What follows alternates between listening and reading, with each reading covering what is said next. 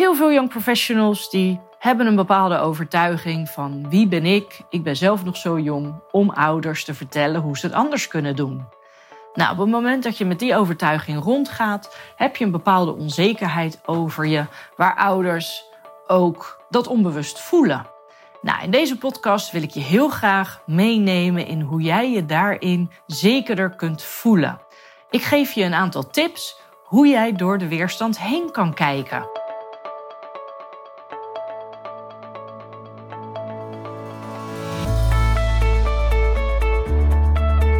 Welkom bij de podcast Jeugdzorg Next Level.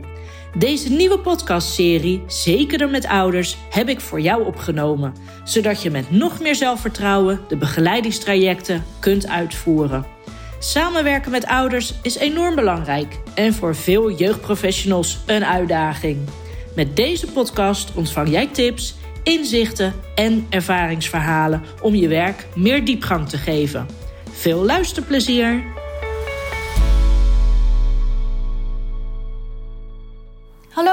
En welkom bij weer een nieuwe podcast. Deze podcast gaat ook weer over de samenwerking met ouders en dan het stukje weerstand. Binnen de jeugdhulpverlening heb je heel veel te maken met ouders. Ouders zijn degene die hun kinderen natuurlijk aanmelden bij je. En de contacten die verlopen allemaal via de ouders, omdat de kinderen nog niet de verantwoordelijkheid kunnen dragen om afspraken te maken. Ja, en daar zit vaak een, uh, een uitdaging voor heel veel, vooral young professionals. Mensen die net van school af zijn, die komen in het werkveld terecht. En die krijgen ook te maken met ouders. En heel veel young professionals hebben dat gewoon niet op de opleiding geleerd. Hoe je om kunt gaan met ouders. Nou, in de aankomende podcastseries neem ik je mee in het belang van samenwerken met ouders, maar ook hoe je dat dus het beste kunt doen. Je zult een paar podcasts gaan horen waarin ouders worden geïnterviewd, waar ik andere jeugdprofessionals interview, zodat je tips en ideeën krijgt en ik hoop ook de moed en het vertrouwen om het contact met ouders leuk te maken. Want dat is natuurlijk het allerbelangrijkste, dat jij je werk ook leuk vindt en dat je niet afschrikt van het gedrag van ouders. Heel veel young professionals die hebben een bepaalde overtuiging van wie ben ik? Ik ben zelf nog zo jong om ouders te vertellen hoe ze het anders kunnen doen. Nou, op het moment dat je met die overtuiging rondgaat, heb je een bepaalde onzekerheid over je, waar ouders ook uh, dat onbewust voelen. Nou, in deze podcast wil ik je heel graag meenemen in hoe jij je daarin zekerder kunt voelen. Ik geef je een aantal tips hoe jij door de weerstand heen kan kijken. En daar gaat deze podcast dus over, over weerstand. Hoe kun je weerstand zien als een feestje? Ja, en die weerstand, dat is vaak ook een gevoel. Hè? Jij kunt voelen dat ouders afstand houden. Ze doen heel kort een bepaalde overdracht naar jou en zijn weer snel vertrokken. Of de ouders die uh, geven aan dat ze geen tijd hebben, dat het niet is gelukt om afspraken na te komen. Ik zeg maar wat, stel dat jij hebt gevraagd of ouders een huiswerkopdracht hebben gedaan met hun kind en dat ze dat niet zijn nagekomen. Of je hebt aan ouders gevraagd of zij met het kind hun kamer willen opruimen. Ik zeg nu maar wat voorbeelden. Maar dat een ouder dat niet heeft gedaan, dan kan dat natuurlijk bij jou voor veel frustratie zorgen. Dat je denkt van hé, hey, we hadden dit toch afgesproken. Een ouder die zei ook ja tegen mij.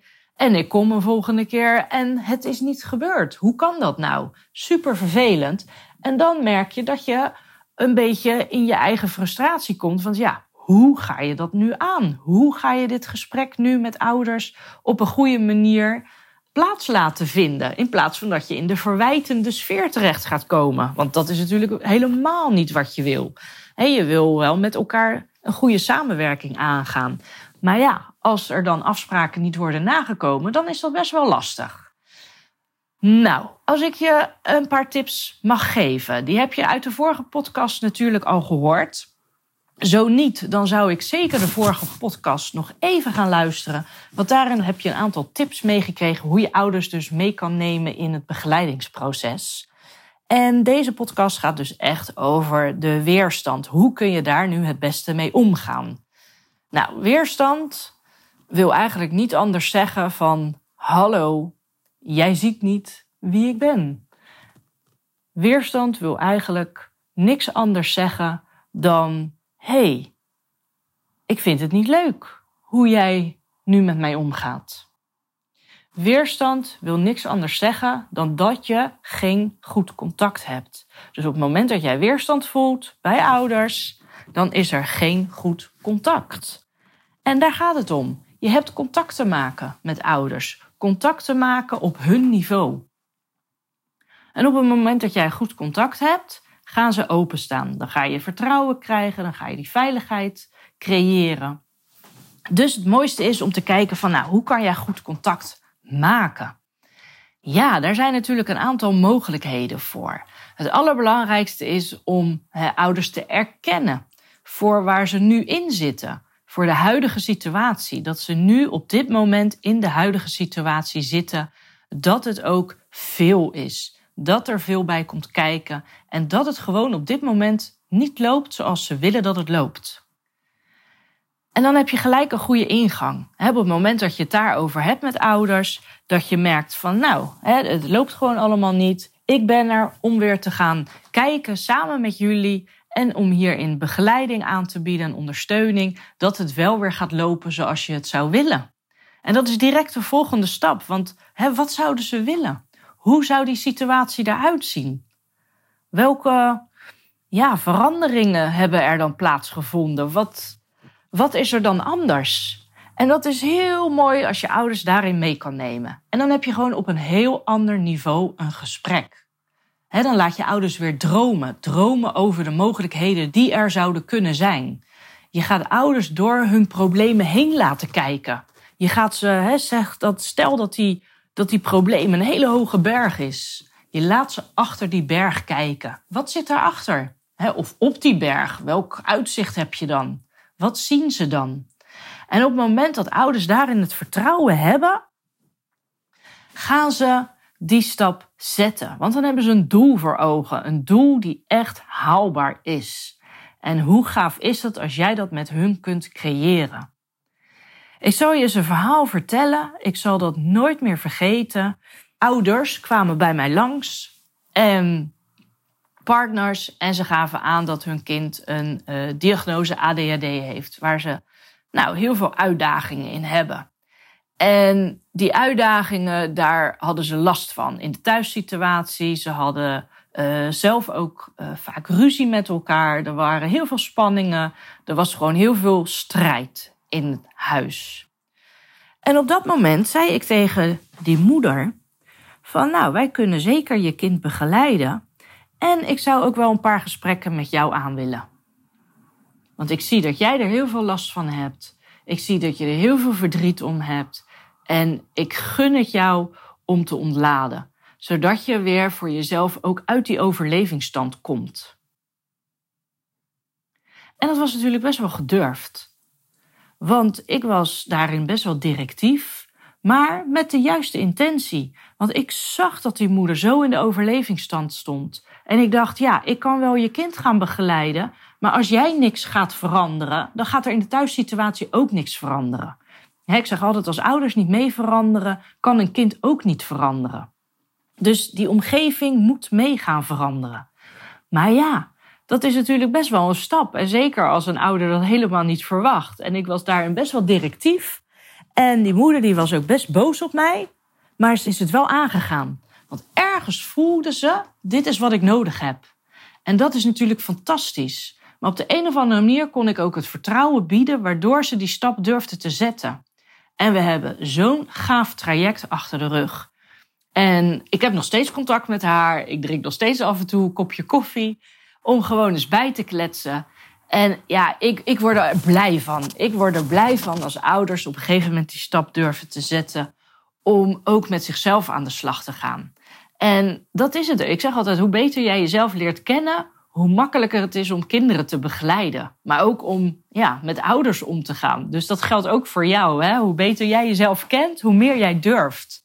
En ook als jij zelf de klappen van het leven kent Je hebt daar heel veel handvatten uitgehaald voor jezelf. Dat wil je graag doorgeven aan anderen, toch? je wil niet dat anderen die pijn ook zo ervaren. Maar daarvoor heb je altijd eerst je eigen shit op te ruimen. Zo noem ik dat altijd maar.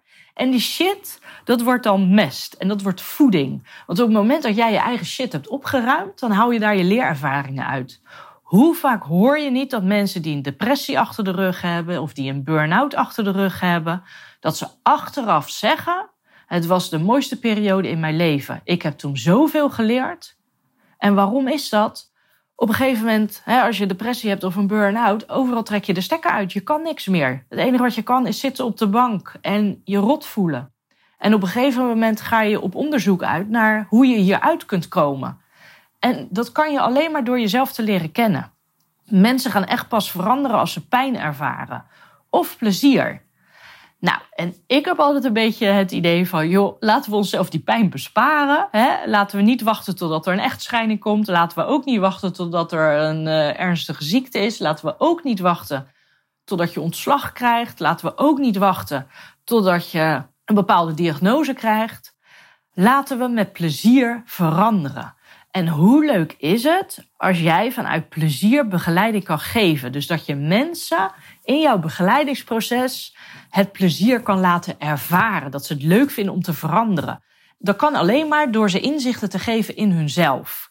En ik gebruik heel vaak metaforen, voorbeelden in coaching of training of de begeleiding hè, die ik geef met ouders. Soms ga ik ook gewoon een verhaaltje vertellen, zomaar uit het niets. Dan zeg ik van nou wat ik van de week weer heb gehoord. Nou, en dan ga ik zomaar een verhaal vertellen. Of ik heb bijvoorbeeld iets gezien op televisie. En dan vertel ik een verhaal. En in dat verhaal zit vaak altijd een bepaalde boodschap. En die boodschap, die pikken ze er altijd uit. Ik vertel wel eens het verhaal van Walt Disney. En dat verhaal van Walt Disney, dat vertel ik aan hele kritische mensen. Mensen die altijd in de ja-maar zitten.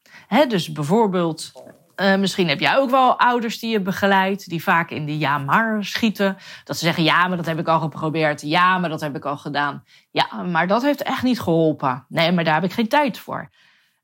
Allemaal ja maars die ze opnoemen. En op dat moment heeft het gewoon geen zin om ze tegen te spreken. Want zij zitten zo in de overtuiging dat het niet mogelijk is.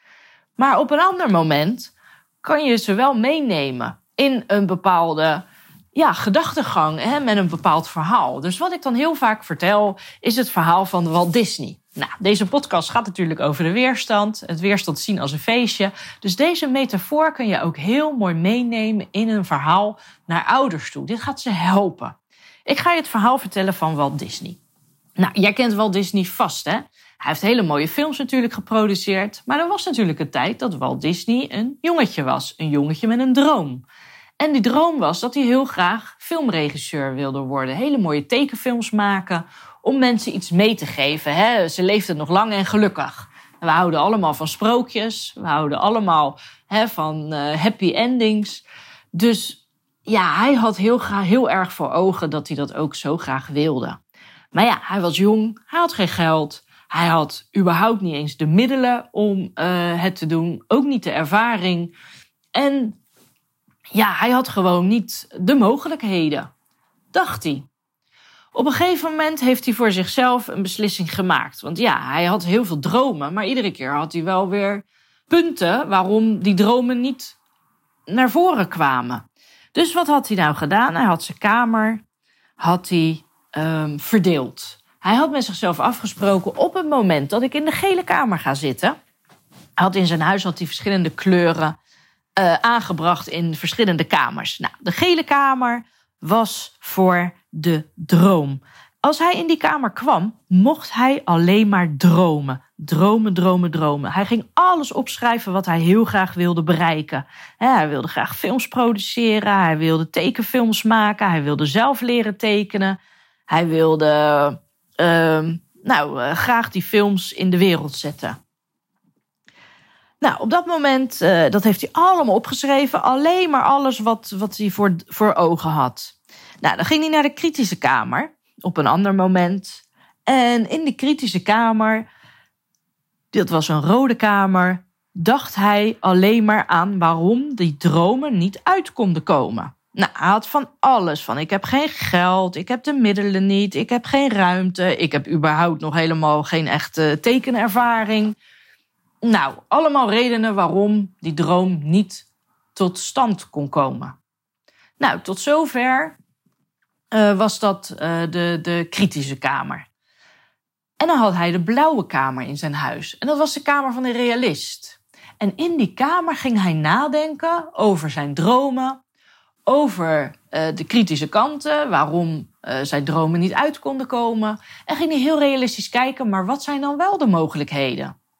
Stel dat ik ga samenwerken met uh, andere mensen. Stel dat ik een lening kan krijgen. Stel dat ik ergens een uh, ruimte uh, kosteloos kan betrekken. Nou, en zo kwam zijn dromen tot stand. En door dit verhaal te vertellen, gaan mensen altijd nadenken over hun eigen leven, over hun eigen situatie. En dan zullen ze vaak toegeven dat ze alleen maar in die kritische kamer zitten. En doordat ze alleen maar in die kritische kamer zitten, zijn ze eigenlijk ook niet meer realistisch. Want er zijn dingen die echt wel anders kunnen. En dat is zo mooi als jij ze dat mee kan geven. Heel veel ouders, heb ik in mijn vorige podcast ook verteld, die zijn gewoon bang voor de toekomst. De toekomst voor hun kind. Van hoe moet dat verder? Maar op het moment dat zij zo bang zijn voor de toekomst van hun kind, gaan ze niet zien wat er nu al goed gaat. Wat er nu al mogelijk is. En hoe je daar nu aan kan werken. Want wat is er nodig voor de toekomst? Wat, wat moet een kind kunnen in de toekomst? Nou, en als je dat soort vragen gaat stellen aan ouders, dan gaan ze daar ook in gedijen. want vaak is het ook de angst die het plaatje heel groot maakt. En op het moment dat ze echt naar die angst toe gaan, daarover na gaan denken, dan valt het meestal wel mee. de vraag die ik heel vaak stel is: wat is het allerergste dat er kan gebeuren? En op het moment dat ze dan een antwoord hebben, dan kun je kijken wat is daar het allerergste aan. Maar even terug naar ouders die weerstand hebben. Ouders met weerstand is dus een gebrek aan contact. Op het moment dat jij merkt van Hé, het loopt niet lekker, ik voel struggles, ik voel frustratie, ik voel irritatie, ga opnieuw het contact aan. En contact, dat betekent investeren in de ouder, investeren in zijn of haar beleving. Dat je ze gaat erkennen in de rol van ouder. Dat je ze gaat erkennen in de problemen die er zijn. Want op het moment dat je ze daarin gaat erkennen, voelen ze ook een opluchting. En op het moment dat jij ze daarna het vertrouwen kan geven van, hè, stel over een jaar, hoe zou je leven er dan uitzien? Wat zou je dan willen? Dan heb je onbewust een zaadje geplant. Want dan gaan ze daar naartoe leven. En voor jou is het natuurlijk de taak om in dat jaar iedere keer stappen te zetten die bijdraagt aan het plaatje die zij hebben en wat ze graag willen bereiken over een jaar. Nou, ik hoop dat je in deze podcast wat meer door de weerstand van ouders heen kan kijken en durft te kijken. Dat je voor jezelf ook meer zelfvertrouwen gaat hebben. En dat je weet dat het niet aan jou ligt, maar dat je wel weet dat je er iets aan kan doen om ervoor te zorgen dat die weerstand minder is. Weerstand is echt het contact aangaan. Op het moment dat ouders zich niet gehoord en gezien voelen, gaan ze dus met jou de weerstand aan. En hoe gaaf is het als je met elkaar kan samenwerken? En op het moment dat jij een goede samenwerking hebt, zul je zien dat de begeleidingsprocessen vanzelfsprekend gaan verlopen. Nou, deze podcast heb ik weer speciaal voor jou gemaakt om jou het vertrouwen mee te geven hoe je met weerstand om kan gaan. Ik zou het natuurlijk super leuk vinden als je mij een situatie wilt terugkoppelen over hoe jij met weerstand bent omgegaan, waar je tegenaan bent gelopen, maar ook hoe je dat voor jezelf hebt opgepakt. Als je dat zou willen delen en wilt mailen naar Judith apenstaartje hkcacademy.nl, dan zou ik dat echt fantastisch vinden. En kan ik het ook een keer meenemen als voorbeeld, als dat voor jou ook oké is. Ik wil je enorm bedanken voor het luisteren en tot een volgende podcast. Dit is alweer het einde van deze podcast. Ben jij geïnspireerd geraakt en wil je ook groeien naar jouw next level? Kijk dan eens op de website www.hkcacademy.nl voor meer informatie over trainingen, events en de laatste nieuwtjes. Je kunt mij ook volgen via de socials, het HKC Academy, voor leuke tips en ideeën, zodat jij je klanten naar de next level kunt begeleiden. Ik zie je snel bij een training, event of via de socials.